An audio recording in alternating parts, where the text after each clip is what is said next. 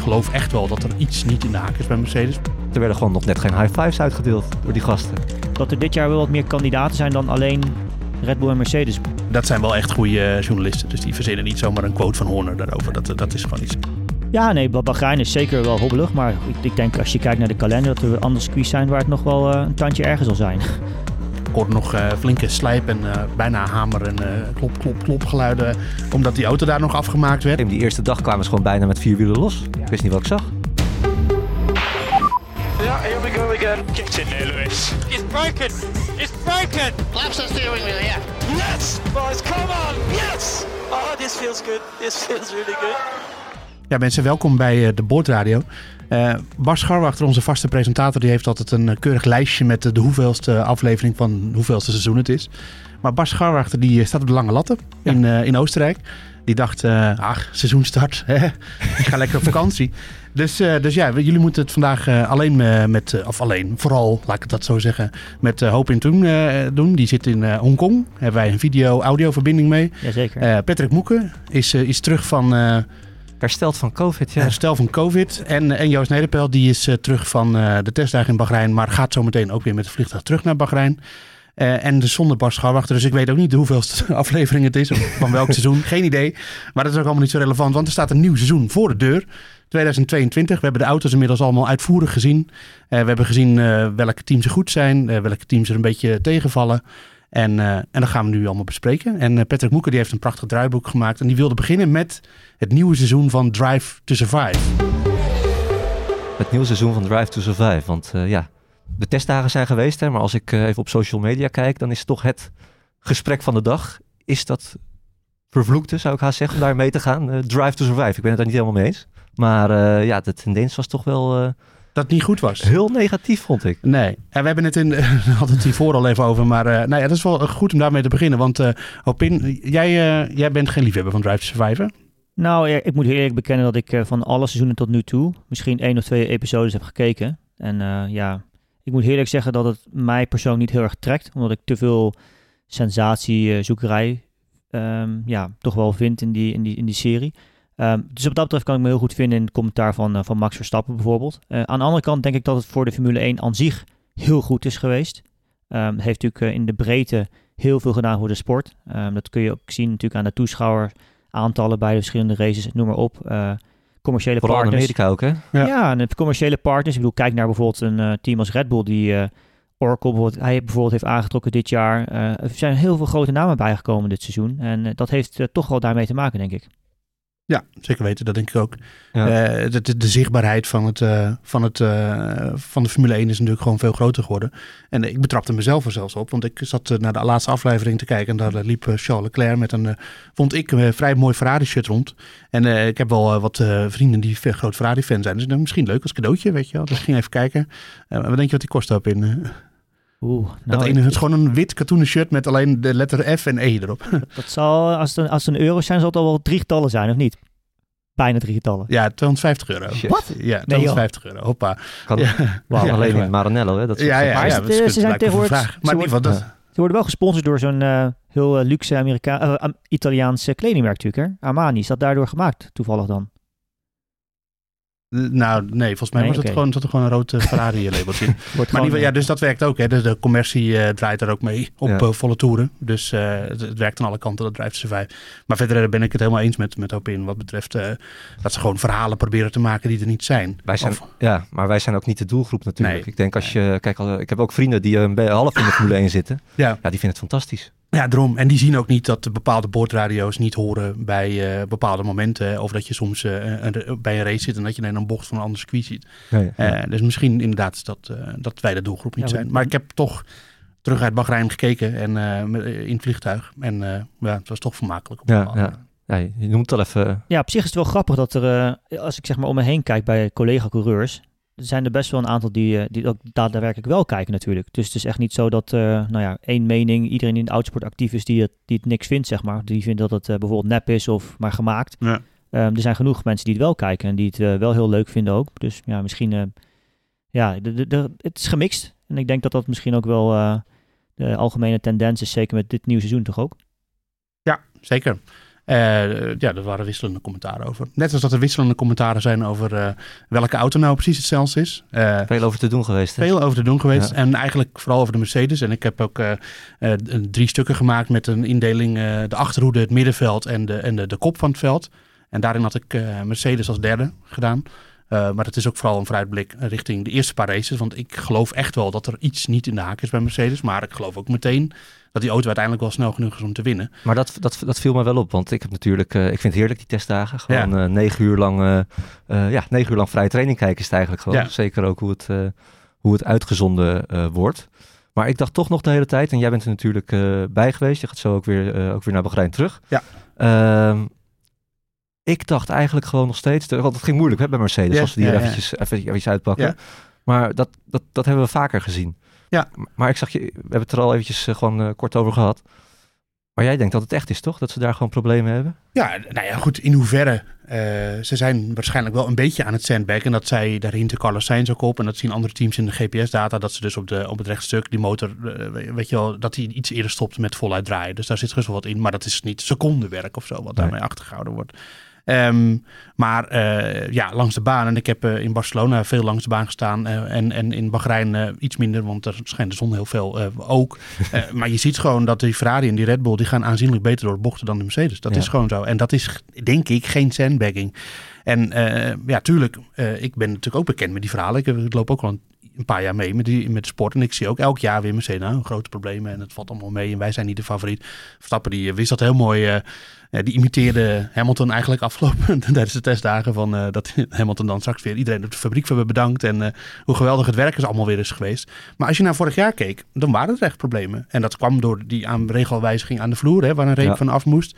En toen hebben ze het uiteindelijk om weten te draaien. Eh, toch, toch wonnen ze wel ja. meteen natuurlijk in Bahrein. ja, maar dat was niet omdat ze de snelste auto hadden. Dat Want Red, Red Bull was toen gewoon de snelste. Dus er was een klein probleem. Dat wordt misschien wat groter gemaakt dan het is. Eh, nu zijn ze bij Mercedes echt eh fel op dat het een groter probleem is dan vorig jaar. Ehm, ja, en, en, eh, dus ik denk dat dat wel echt wat is. Maar ik denk ook dat het toch gewoon binnen een paar races... of misschien komend weekend al wel weer opgelost is. Wat denk Ah, jij ervan op in? Nou, ik denk als je vergelijkt met vorig jaar, zijn er dit jaar natuurlijk een stuk meer variabelen die meespelen. Hè. Vorig jaar was het, zoals je net al aanduidde, was het vooral de vloer natuurlijk die veranderd was. En ja, Ja. dit jaar is gewoon de gehele auto anders. En daarbij is het niet alleen de aerodynamica, maar ja, het komt later in deze uitzending ongetwijfeld nog aan de, aan de orde, het purposing. Ehm, Ja. Het stuiten van de auto's, eh, dat komt natuurlijk, is het samenspel van aerodynamica en eh, het mechanische gedeelte van de auto. Hè. De banden zijn eh, groter geworden. Dus van het diameter, het aantal inch moet ik eigenlijk zeggen. Ehm, en alles speelt het wat dat betreft mee. Dus er zijn veel variabelen. Dus het is misschien wel wat minder makkelijk op te lossen dan dat het vorig jaar was, denk ik. Maar dat gezegd, Ja. ja, ze hadden vorig jaar natuurlijk ook problemen. Ik kan me goed herinneren dat Hamilton ook nog in de grindbak stond, zelfs in Bahrein. Nou, dat is Ja. best wel uniek om in Bahrein grind te vinden, Ja. ten eerste, op de Ja, baan. knap. Ehm, dus ja, nee, eh, vorig jaar hadden ze het ook moeilijk. Daar stonden ze bij de eerste race natuurlijk ook wel erbij. Eh, ik denk wel overigens dat het dit jaar zo is dat er, nou ja, misschien, hè, je, je gaf net al Ferrari aan met Sainz, dat er dit jaar wel wat meer kandidaten zijn dan alleen Red Bull en Mercedes misschien wat dat betreft. Dus als het even wat minder loopt, dat ze dan ook met, met, meteen het meer punten zal gaan kosten. Ja, Ik, ja, ik, ik hoop het. Want, eh, Ja. Of hoop het. Ik vond Red Bull toch wel echt een ijzersterke indruk maken. Als we dat bruggetje even mogen maken. En ja, ik ben vaak optimistisch hè. ja, ja, ja, ja, ja. Maar ik denk echt dat, eh, dat Red Bull er wel echt met kop en schouders bovenuit steekt. Als je, als je ziet hoe, hoe goed, nou, niet, nou eigenlijk ook wel, eh, ze waren productief. eh, zijn er toch even voor gaan zitten hè, met die zachte banden op het, eh, op het laatst. Ja. En waar je ook goed aan kan zien dat zo'n auto toch, dat, of dat in ieder geval naar wens loopt, is vooral de reactie uit de pitbox. Van Helmut Marco bedoel? Helmut Marco, maar ook Ja. op het laatste werden gewoon nog net geen high fives uitgedeeld door Ja. die gasten. Ja, ik denk, misschien heeft het ook een klein beetje te maken met dat ze. Want eh, ik stond eh, eh, zaterdagochtend op de laatste testdag stond ik bij de pitbox van Red Bull te wachten. Ik hoorde nog eh, flinke slijp en eh, bijna hamer en eh, klop, klop, klop geluiden. Omdat die auto daar nog afgemaakt werd. En toen, ja, dat, dat was natuurlijk een eh, fantastisch moment voor dat team. Die zijn dan heel druk bezig om die, eh, die nieuwe sidepods eh, te installeren. En eh Perez rijdt de pitbox uit en bab, meteen snelle tijden. Ja, het werkt. Het werkt, ja. Ik bedoel, ik, dat, daar kan natuurlijk ook gewoon de, de, de glundering van, van Marco uitkomen. Niet per se dat ze nou nou super snel zijn. Want, want je hoort inderdaad zijn zeggen van, nou ja, wij zien op de GPS dit en wij zien op de GPS dat. Die andere teams zien dat van elkaar. Maar ze weten niet met hoeveel benzine ze precies Nee. rijden. Ze weten niet of ze voluit gaan. Verstappen zei, ja, we zijn eigenlijk nog helemaal niet vooruit, voluit gegaan. In die slotfase waarin Red Bull inderdaad een hele indruk, een goede indruk maakt op zaterdag... heb ik Ferrari dat eigenlijk niet zien doen. Niet qua indruk, maar ze hebben gewoon geen poging gedaan. Nee. Dus daarvan weten we gewoon nog niet Terwijl, wat... ze, ze- terwijl ze dat altijd doen, hè? ja. Ferrari Mhm. laat zich altijd uit de tent lokken om er toch eventjes gaan, voor te Ja. gaan zitten. Ook als een waardeloze auto hebben. Ja, maar dat is, dat is er gewoon voor, omdat ze dan in eh La Gazzetta de volgende dag eh, er goed op staan. Ja. Eventjes, eh, Maar nu hebben ze het dus niet gedaan. Dus dat Nee. is misschien ook alweer een teken aan de wand. Dat teken ze, aan de wand. dat ze zoveel vertrouwen hebben. Ja, Maar- eh, Misschien weet jij, want Alpine heeft, je hebt natuurlijk ge- getest vroeger eh, bij, de Mhm, eh, bij Renault. Ja, bij Renault. Ehm, ik snap nooit zo goed eh, waarom je dat überhaupt zou doen. Je eh, toch nog wat achter de hand. Je wilt toch juist ook een keertje zien hoe goed die auto gaat als, eh, als we voluit gaan. Ja, Niet, niet maximaal misschien, maar mhm. wel op de zachte band. Waarom zou je zo erg de kaarten tegen je borst houden als we toch al over een week iedereen ervoor moet gaan? Ik snap Nou, niet zo goed wat je daarmee het, wint. het, het heeft het natuurlijk in de, in de autosport, nou, vooral in de Formule 1 natuurlijk ook. Ehm, als je kijkt op hoeveel momenten je eigenlijk met die auto met een lege tank rijdt, met weinig brandstof dus en nieuwe banden, die zijn echt op één hand te tellen in een weekend natuurlijk. Dat is alleen de kwalificatie. Ja. En als je kijkt naar eh, het grootste gedeelte van de tijd waarmee je met een bepaald type auto moet rijden, dus dat is met eh, nou ja, veel brandstof erin, veel gewicht, ehm, veel bandenslijtages ook. Je wil eigenlijk proberen om zoveel mogelijk variabelen toch wel eh, hoe zeg je dat, constant te houden.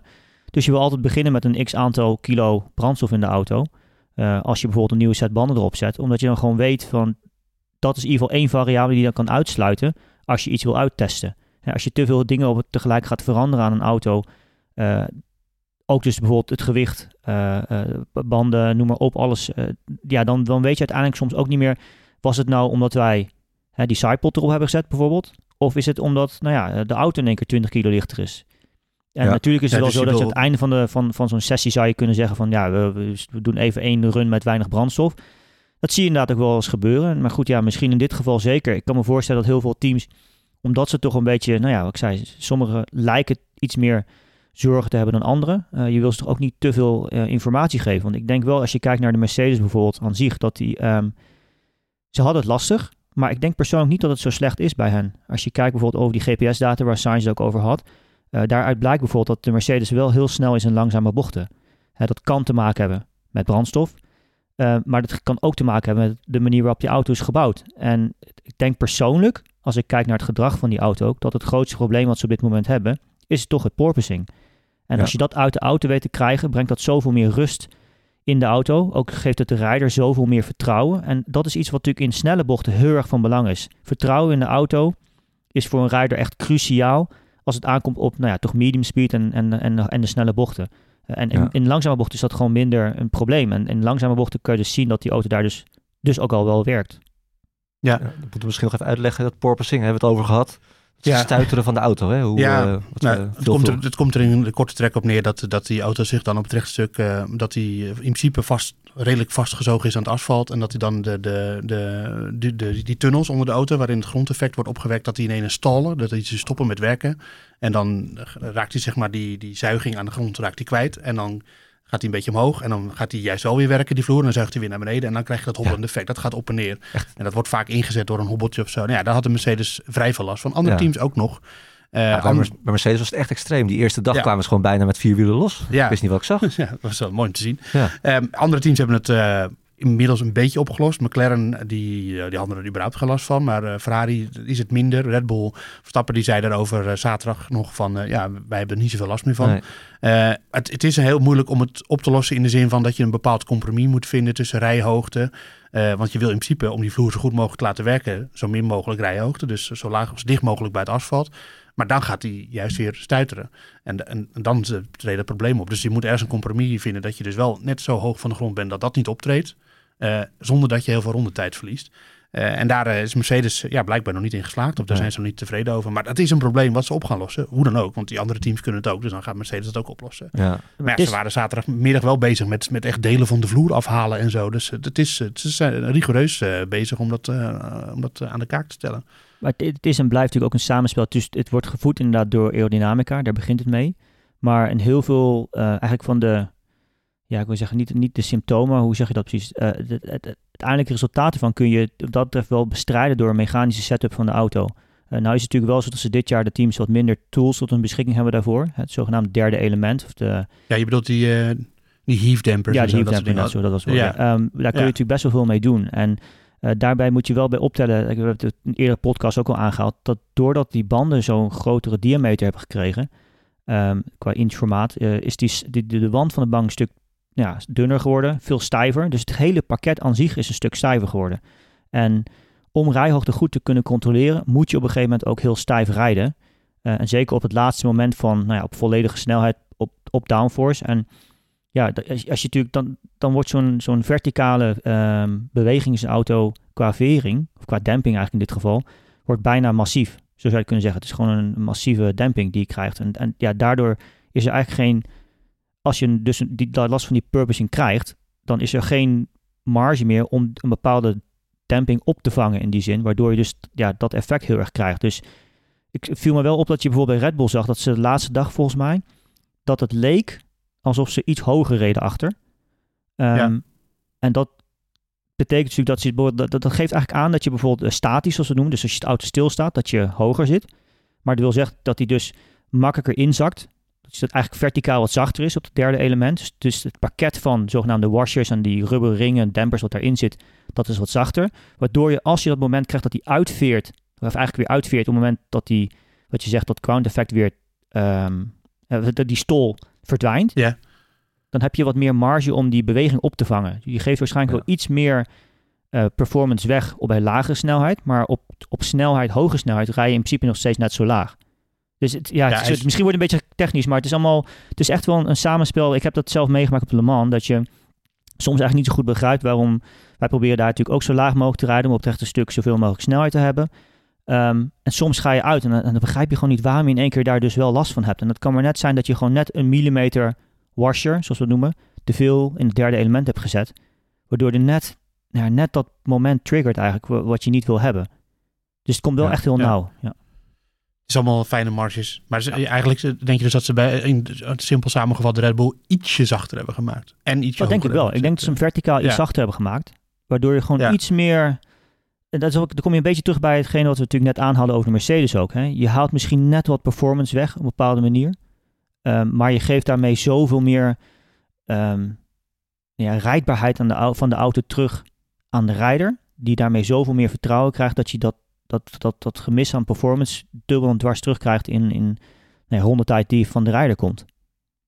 Het is misschien ook wel circuitafhankelijk ook dit, want uh, Bahrein is best wel hobbelig toch ook, ja. heel in. Uh, ja, nee, Bahrein is zeker wel hobbelig, maar ik, ik denk als je kijkt naar de kalender dat er andere circuits zijn waar het nog wel uh, een tandje erger zal zijn.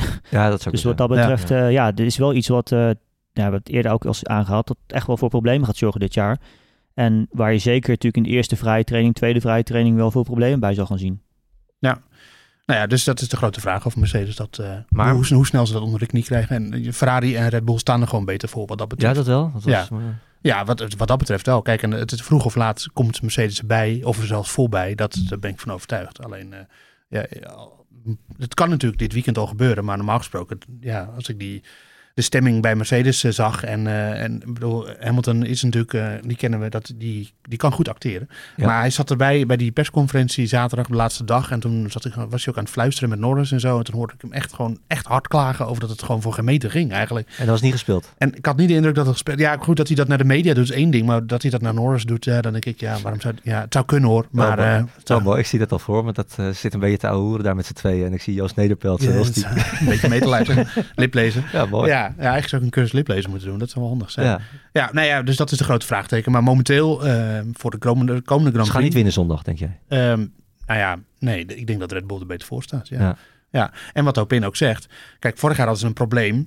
En toen hadden ze af te rekenen daardoor met Red Bull. Nu hebben ze een probleem. En als dat inderdaad zo erg is dat ze zelf, als, dat ze zelf zeggen dat het is, dan hebben ze niet alleen af te rekenen met, met Red Bull, maar waarschijnlijk ook met Ferrari. En dan wordt het alweer een heel stuk moeilijker.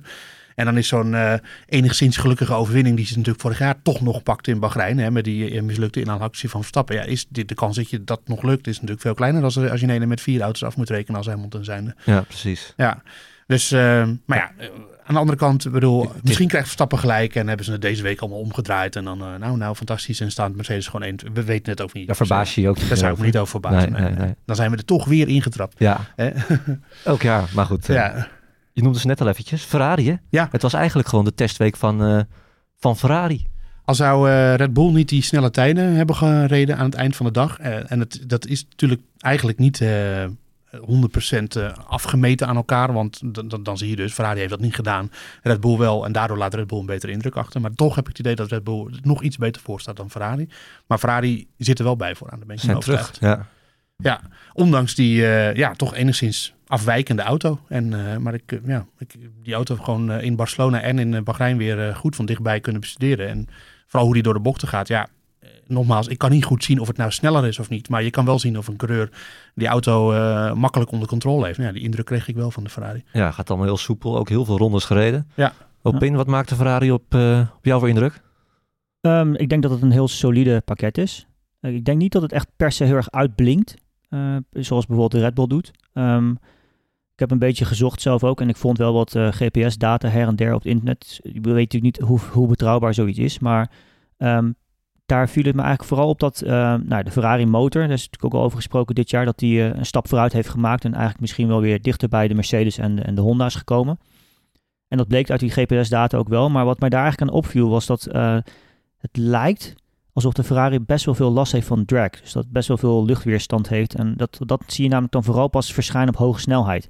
Als je naar een, bijvoorbeeld een snelheidslijn kijkt, dan zie je eigenlijk eh, in het begin van een acceleratie uit een bocht, hè, dat ze eigenlijk allemaal gelijk lopen. En naarmate de snelheid toeneemt, dan zie je dus dat die lijnen uit elkaar beginnen te lopen. Een beetje. Dus dat de Mercedes en de Red Bull daar dan toch wel nou, beter door blijven accelereren dan de Ferrari doet.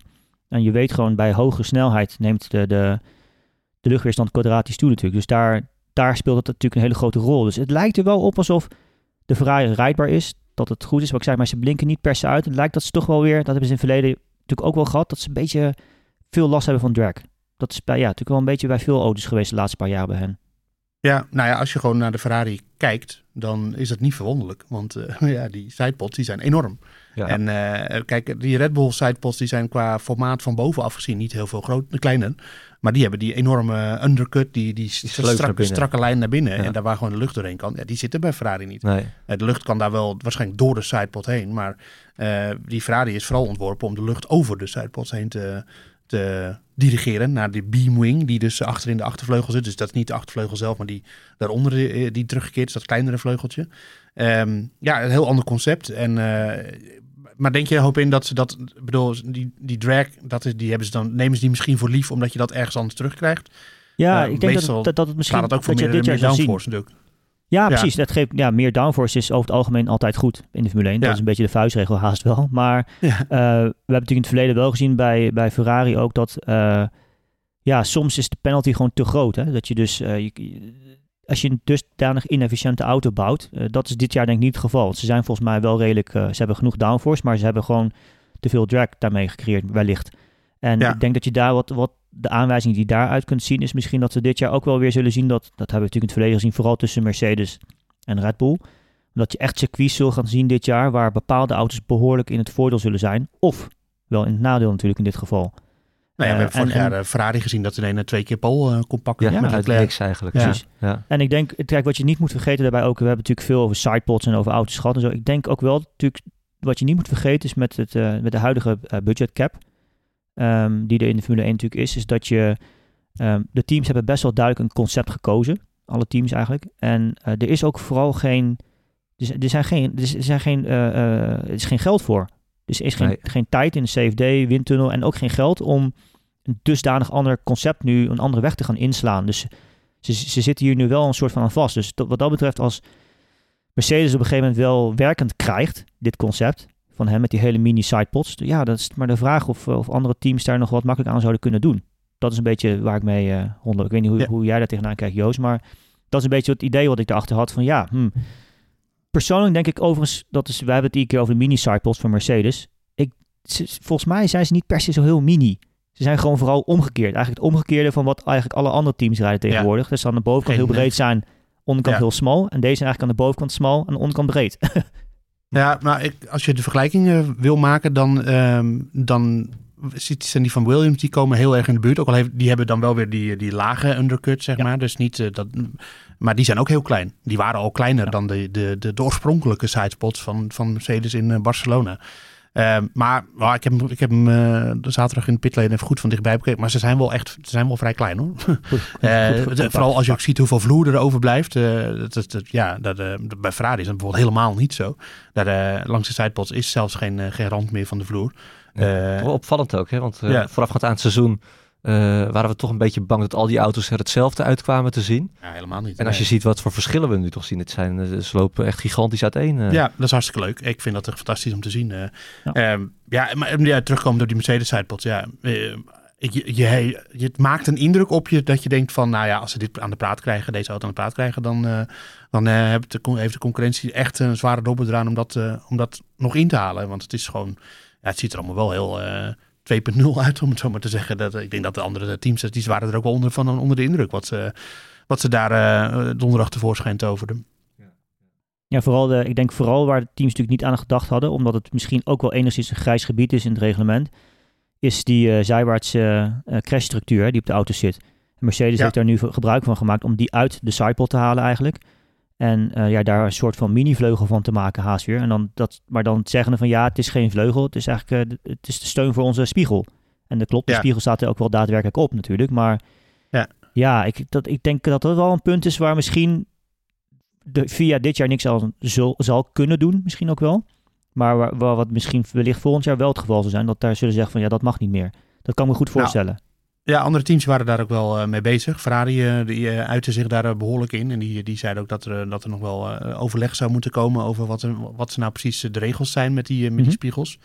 En we hebben dat eerder een keer meegemaakt toen, toen de Ferrari zelf de spiegels aan de Halo had gemonteerd. Oh ja, Ja, Ja. dat was een paar, paar races en toen ineens werd dat weer afgeschaft. Ja. Dus kijk, en als, als de, de FIA bepaalt dat de, de spiegels daar niet aan vast mogen zitten, ja, dan, eh, dan moet Mercedes ergens anders nog stangetjes maken waar de spiegels komen te zitten. ja, ja. Maar ja, Toto Wolff die was toch wel redelijk eh, ervan overtuigd dat de VIA overal in was meegenomen. En dat zij eigenlijk eh, eh, aan boord zijn. Maar ja, dan heb je, dat is één, dat is één stadium. Je kan de VIA aan boord hebben. Maar een ander team kan de VIA toch weer overtuigen van dat jij toch... dingen wijzen, ja. Dat, Ja, toch, eh, ze proberen natuurlijk elkaar allemaal eh, te naaien. Dat is, Ja. komt het eigenlijk gewoon op neer. Dus eh, dat als was wel eh, meteen het eerste relletje, hè? ook met eh, Horner die daar eh, over had geklaagd, of Ja. toch niet? Ja, ja, nou, dat was... eh, ja, hij heeft dat natuurlijk gewoon gezegd. Ja, natuurlijk heeft hij dat Ja, gezegd. Ja, en eh, dat, dat, die, eh, voor de duidelijkheid, wanneer was het eh, nadat ze waren gepresenteerd? Die eerste testdag. ja, dus dat was donderdag. Toen doken, daarna, doken er quotes op van Automotor und Sport. Dat, eh dat Horner had gezegd dat het niet in de geest van het reglement wa- was. Dat ging ook vooral over die spiegels trouwens.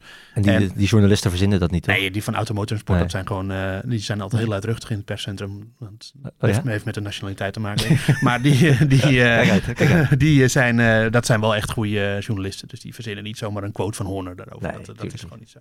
En ja, kijk, je kan natuurlijk ook denken als Red Bull van... hé, hey, we laten dat even lekker rondzingen. En daarna zeggen van, nee hoor, dat nee, hebben wij niet gezegd. En dan, eh, dan is het twijfel al gezaaid. Weet, je, dat kan ook de tactiek zijn. Maar eh, ik ben er wel van overtuigd dat hij dat echt wel gezegd heeft. Kwamen er niet eh, heel goed uit in ieder geval, Red Bull, vond ik, toch? Het was een beetje... Ja, nou ja, maar iedereen is het ook alweer vergeten eigenlijk. Is ook zo, De volgende zo. dag ging het er helemaal niet meer over. Hoop in, eh, als we even kijken naar andere teams, pik ik er even eentje uit. McLaren, daar hebben we alleen maar Lando Norris in actie gezien, drie dagen lang. Ricciardo was, nou achteraf bleek hij toch besmet te zijn. Kan de, kan de beste overkomen, weet ik Ja. inmiddels zelf. Ja. Met eigen hand. Ehm, maar hoe lastig is dat? Want het zijn natuurlijk toch hele, eh, hele nieuwe auto's. Ricciardo heeft daar alleen in Barcelona in gereden. Nou, inmiddels is die auto toch alweer door, eh, doorontwikkeld. Mhm. Hoeveel last gaat hij daarvan krijgen dit weekend en ook later dit seizoen?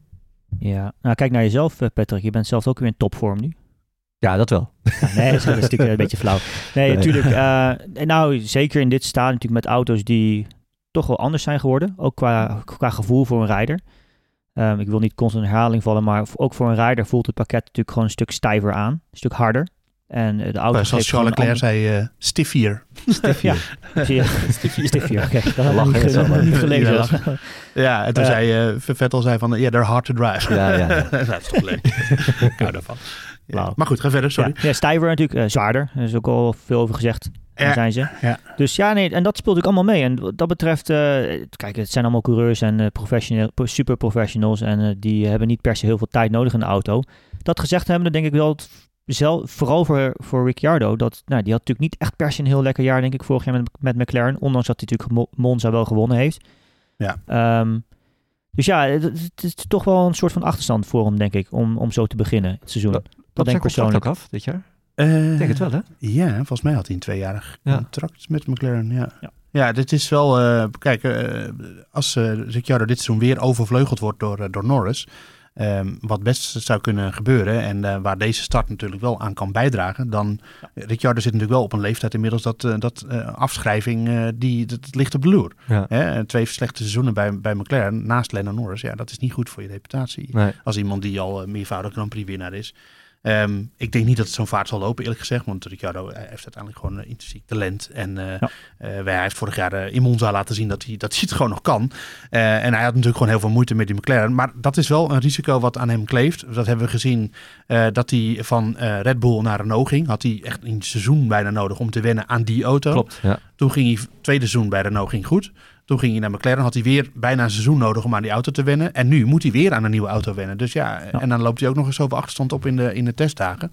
Eh, dus wat dat betreft ziet het, ja, dat, daar moet hij, daar moet, hij moet aan de bak. Ja, Eh, en ja. Norris die kent die auto natuurlijk inmiddels van binnen en van buiten. Hoewel die ook zei, ja, zoveel ronden heeft McLaren natuurlijk niet gereden. Dus hij had uiteindelijk, als hij gewoon anderhalve dag had gereden, had, had, had Norris waarschijnlijk niet heel veel minder gereden dan nu. Eh, of niet heel veel meer gereden dan, nee, minder gereden dan nu. Dus ja, Norris heeft nou ook niet zo'n enorme voorsprong. Want ze hadden gewoon flinke problemen, McLaren, met de remmen. Nee, maar ik kan me wel voorstellen als je dan zo lang niet in die auto zit. Hè? Ja. Als hij, de eerste keer wordt gewoon eh, FP1 vrijdag. Ja, daarom. Hij zal wat feeling eh, missen. Ja. Eh, Nou, zeker op zo'n zeker. circuit ook. Hè? Eh, het is een Ja. reden waarom coureurs bijvoorbeeld eh, voordat ze een weekend, eh, een raceweekend gaan, waarom ze naar de simulator gaan. Tuurlijk is dat de simulator in Formule 1 wordt vooral gebruikt om auto te ontwikkelen.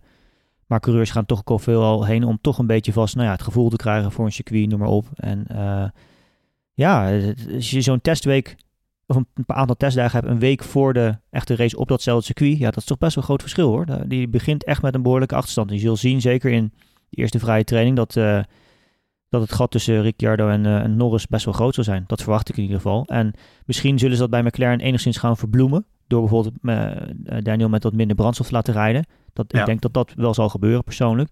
Eh, al was het maar om hem wat meer zelfvertrouwen te geven. En gewoon iets sneller op snelheid te krijgen. Ja, Ja. want dat Ja. gaat wel een probleem zijn. Ehm, wat ik op zich ook wel interessant vind daarover, is wat je zei Joost. over nou ja, nog een seizoen als, dat, als die in de schaduw staan van, van Norris. McLaren heeft natuurlijk ook een nieuw rijder aangekondigd hè? Colton Hurta. Colton Hurta. Dat is natuurlijk Ja. het, nou, een van de Amerikaanse supertalenten op het moment. Eh, Ja. rijdend in de IndyCars. eh, een eh, concurrent van eh Rinus VK. Zeker. Ehm, maar ja, nee, ja, zeker iemand die eh, nou ja, echt eh, wordt gezien als een, een van de grote talenten van de toekomst. Dus wat dat betreft, ja. Jack Brown, Ja, ook en- als Amerikaanse teambaas. Zeker. En ze hebben Pato, Pato, Pato Award. Pato Award, Ja, ja. Die, hebben ze, die hebben ze ook nog. En Ja. dat is ook gewoon echt een groot talent. Dus eh, het is niet zo dat er niemand op de deur, de deur klopt bij McLaren. Dus eh, ja, redelijk eh, belangrijk seizoen voor, eh, voor Daniel Ricciardo. Hij, moet, hij moet wel gaan presteren.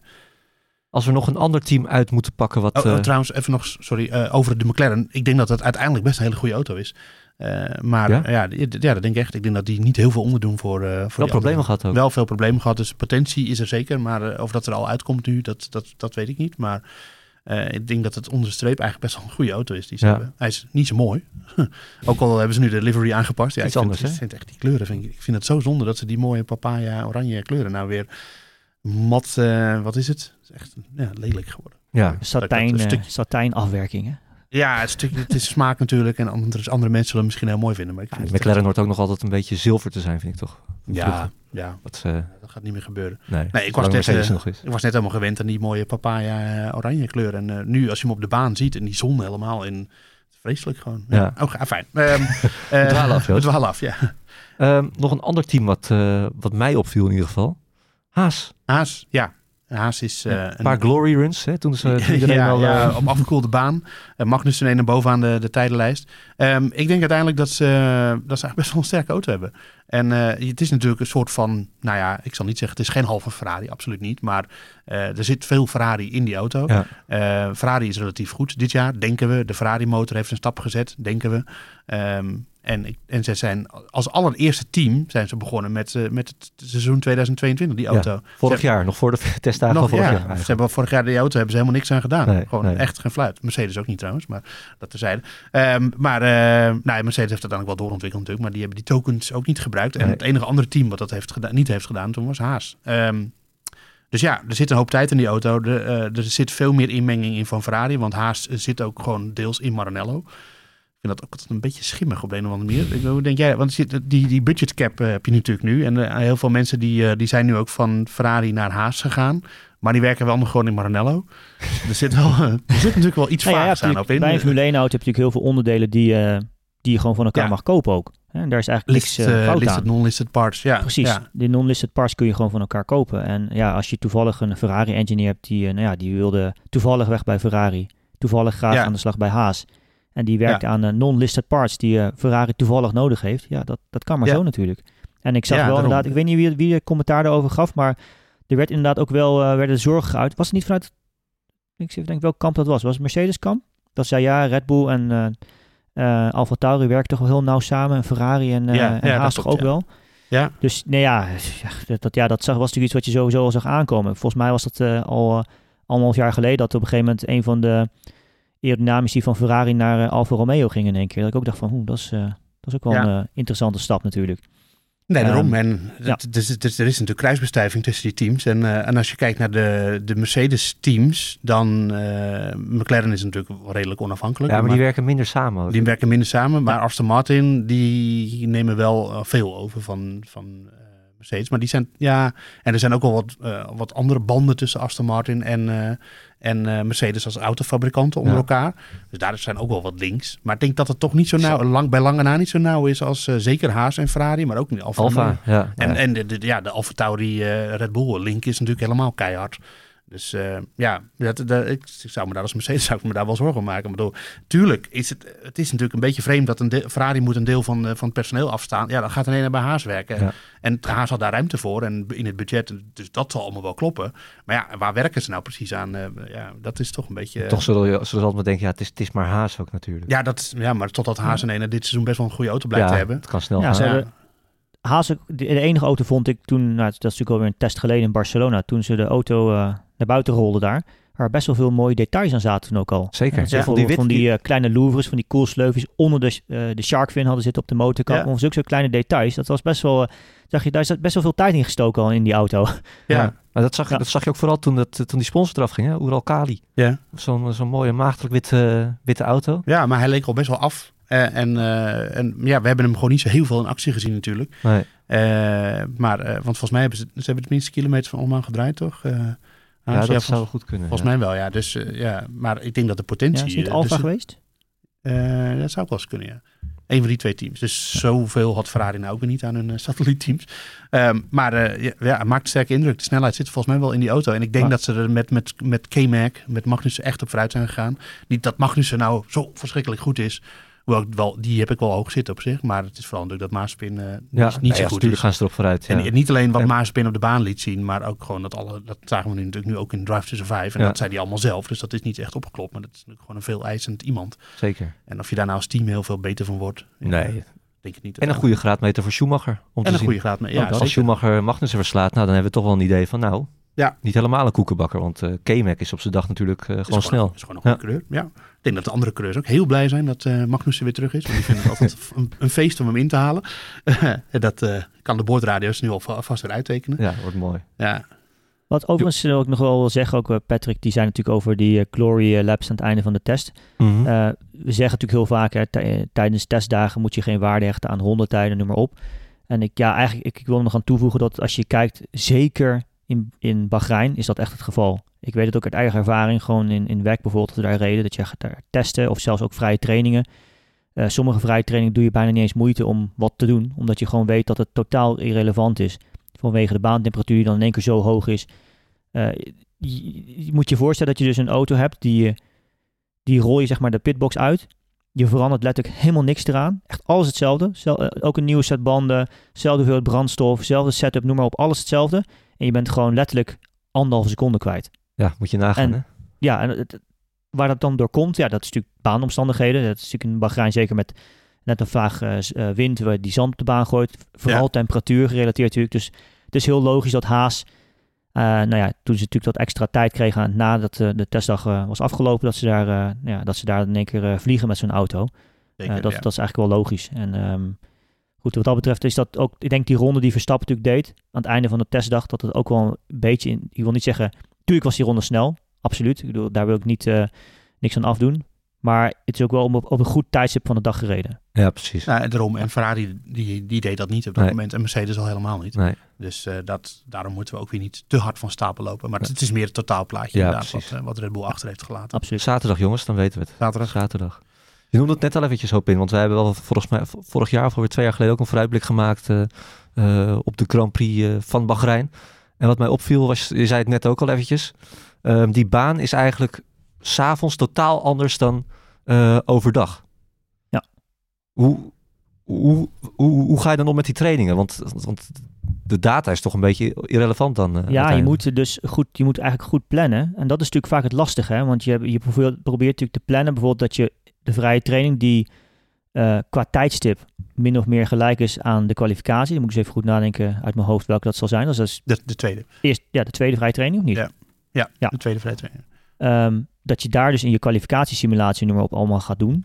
En dat je de andere vrije trainingen eh, natuurlijk gebruikt om nou ja, zoveel mogelijk werk te doen voor de race. Alleen, Maar die is Ja, ook de in, in daglicht natuurlijk. precies, Ja. de Ja. temperatuur is anders en het, het, het blijft een heel lastig verhaal. En, en zeker ook eh, eh, in zo'n weekend nu eh, in Bahrein. Het is ook weer de eerste keer dat de teams nu met deze auto's met veel andere auto's op de baan tegelijk zullen rijden eh, in, in hetzelfde weekend. Dus ook Formule eh 3, Formule 2 en is Formule 3 ook niet eigenlijk? Dat weet ik niet. Maar Formule 2 en Ehm, eh, eh, Porsche... Volgens mij is het Middle alleen de Formule East. tweede. Ja, Formule 3 is er niet volgens mij. Ja, maar in ieder geval Formule 2 en keer Cup Middle East. Dus ja, de, de, de baan, ehm, als je in zo'n, zo'n tweede vrije training daar dus kwalificatiesimulaties gaat doen, dan is de baan ook best wel behoorlijk anders nog dan dat die in de kwalificatie zal zijn. Dus alles wat je daarin probeert is ook niet per se nou ja, heel erg goed te meten met wat je in de kwalificatie wil gaan, eh, gaan voelen eh, qua baanomstandigheden. Dus het, het, blijft heel erg lastig eh, op zulke soort type banen waar een temperatuur zo'n grote factor speelt. Ja, het vaste rubriekje is ook weer terug dit jaar. Namelijk ons allermooiste GP-spel. Ja, ja, we zijn weer, eh, we zijn weer helemaal terug. Eh, we hebben weer een vriendenleak aangemaakt waarin eh, we, ja, we kunnen voor gaan voorspellen. Je eigen team samenstellen, hoop in. Eh, aan het eind heb je misschien ook wel eventjes gekeken vorig jaar toen, eh, toen je erbij kwam. Eh, hartstikke leuk. Je krijgt budget van eh 100 miljoen volgens mij, hè? Mhm. om een eigen team eh, samen te stellen ieder weekend. Ehm, en luisteraars kunnen dat tegen ons gaan, eh, gaan spelen. In de boordradio Vriendenlied. In de Boordradio Vriendenleague. Ja. Ja. het GP-spel. Ehm, hoe vind je die? Nou, die staat in de beschrijving van deze podcast. staat een linkje daar naartoe. Ook in het artikel van deze podcast op nu.nl. En in alle andere artikelen van nu.nl. Alle Oh. andere artikelen van nu.nl. Nou ja, van de Formule 1 artikelen bedoel ik. ja, klopt. Daar staat een link Staat, in. daar staat hij onder, ja. Ja. En kan je hem nou toch niet vinden, kijk dan even op het GP-spel. Moet je even zoeken op Vriendenliek, de boordradio. Maar dat spreekt allemaal wel, eh, Ja.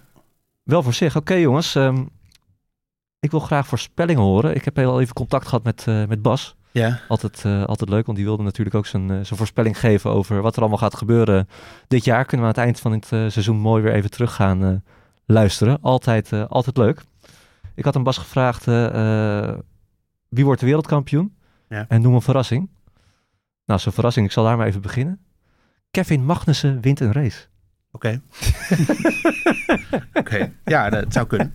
Hij doet mee, Ja, dus ik- ja, dan kan je ik- winnen, ja. Ja, ik, ik, ik, lach, maar het, eh, misschien lacht hij wel als, eh, eh, als laatste. Ja, En hij denkt dat Verstappen wereldkampioen wordt. hij denkt dat Verstappen wereldkampioen wordt. Wat denk jij, Joost? Ehm, een verrassing. Ik denk dat Alonso een race gaat winnen. Hoewel ik niet per se denk dat de Alpine er nou zo goed uit, eh, het niet zo vreselijk goed uitziet. Eh, en eh, ja, wereldkampioen, ja, denk ik, zit ik momenteel ook in op Verstappen, maar ik vind het heel moeilijk. Ja, ja. Ja. het is eigenlijk ook nog niet... ook zo'n lang seizoen, daar hebben we het ook nog niet helemaal over gehad. Het is het Superlang. langste seizoen ooit. Ja. Het wordt ook een doorontwikkelingsslag natu- Zeker. natuurlijk. Ja. En dus dat, is, dat is gewoon eigenlijk niet te zeggen. Maar ja, op basis van wat we nu weten, Verstappen. En op basis van wat we nu weten, denk ik ook dat hij zondag de race gaat winnen. Denk jij op in? Daar ben ik op zich wel mee eens. Ik denk op basis van wat we nu weten dat Verstappen wat dat betreft de beste papieren heeft op dit moment. Als je zegt over verrassing, misschien niet per se echt een hele grote verrassing, maar ik denk wel dat ehm, Ferrari ehm, en vooral Charles Leclerc misschien wel mee zal gaan doen om eh, de, grote, de grote bekers. Ehm, hij is iemand die natuurlijk mm, van alle mensen voorin relatief recentelijk nog met auto's heeft gereden die eh grondeffect hadden, Formule 2. Ja. Dus eh, nou ja, wel een ander type band, maar het blijft natuurlijk moeilijk. Maar alle kleine beetjes helpen denk ik in dit geval wel. Ja. Dus eh, ik denk dat het wel, een, een Ferrari ziet er niet slecht uit. Zeker niet. Het zou, het zou gewoon leuk zijn als we weer zo'n soort driestrijd krijgen met Ferrari, Red Bull, En Mercedes. Mercedes, en, af en toe nog een ander team. eh, Af en toe McLaren erbij. En ik denk uiteindelijk dat die zich er ook wel veel in kunnen mengen. Dus ja, nee, ik, eh, ik juich dat van harte toe. Ja. Dat zou hartstikke leuk zijn. Als, eh, ook, dat, dat zou ook wel lekker zijn als het inderdaad niet alleen maar tussen Hamilton en Verstappen gaat. Nee, precies. Eh, ook dan eh, koelen de reacties en de commentaren ook af en toe misschien eens een klein beetje af. eh. Ja, dat zou, Dat dat zou zou wel best prettig lekker zijn. zijn, Ja, ja, ja. Ja, dan, moeten, dan moeten de haters zich Jij, eh, jij gaan Patrick, verspreiden. eh, oh ja, ja dacht er even makkelijk mee weg te komen. Ja, nou, nee, ik denk ook dat Verstappen kampioen wordt. Volgens mij ziet het er heel goed uit. Kan natuurlijk nog van alles gebeuren. Ik, eh, dat had jij ook, eh, het ook wel even over gehad, Joost. Hij maakt een hele rela- relaxed indruk, toch? Op jou. eh, Ja, zeker. Eh, als je hem meemaakt nu in de paddock. Vorig jaar, hij is altijd wel gewoon normaal. Hij, Ja. is, hij, hij behoort echt duidelijk bij de coureurs die gewoon met beide benen op de grond staan. Dat is, dat is trouwens veruit de meerderheid is dat hoor. Het zijn allemaal vrij relaxte normale mensen.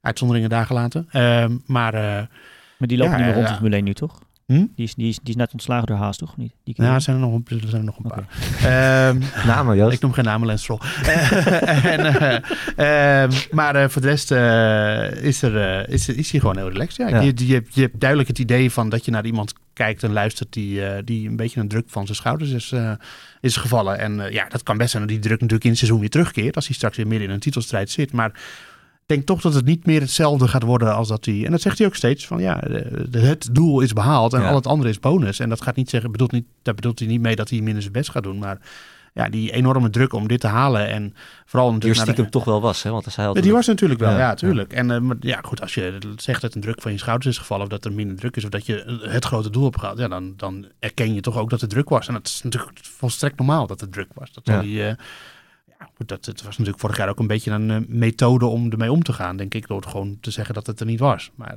ja, dat was er natuurlijk. Ja, dat kan haast niet anders dan dat het er wel was. Tuurlijk, ja. Dat is niet onmenselijk of zo. Nee, nee. Ehm, ik heb het idee dat hij daar eh, nu dat hij, dat er, dat hij gewoon relaxter is. En, eh, en, eh, en misschien wordt hij daar juist alleen nog maar beter van. Dat zou best kunnen. Ja, nou gaan we in de gaten houden natuurlijk. Maar voor mijn verrassing Ja, komt hij.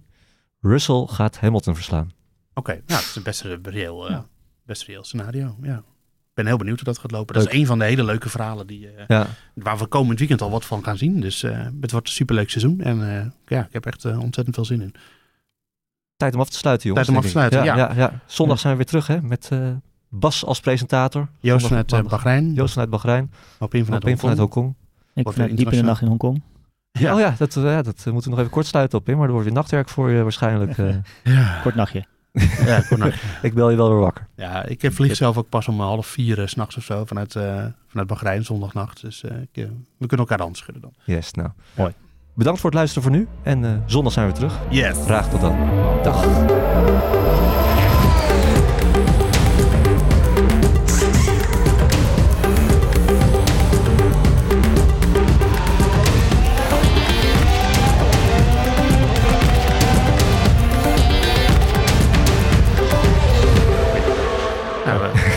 Volgens mij hebben we Bas helemaal niet meer nodig. Nee, Bas kan wel inpakken.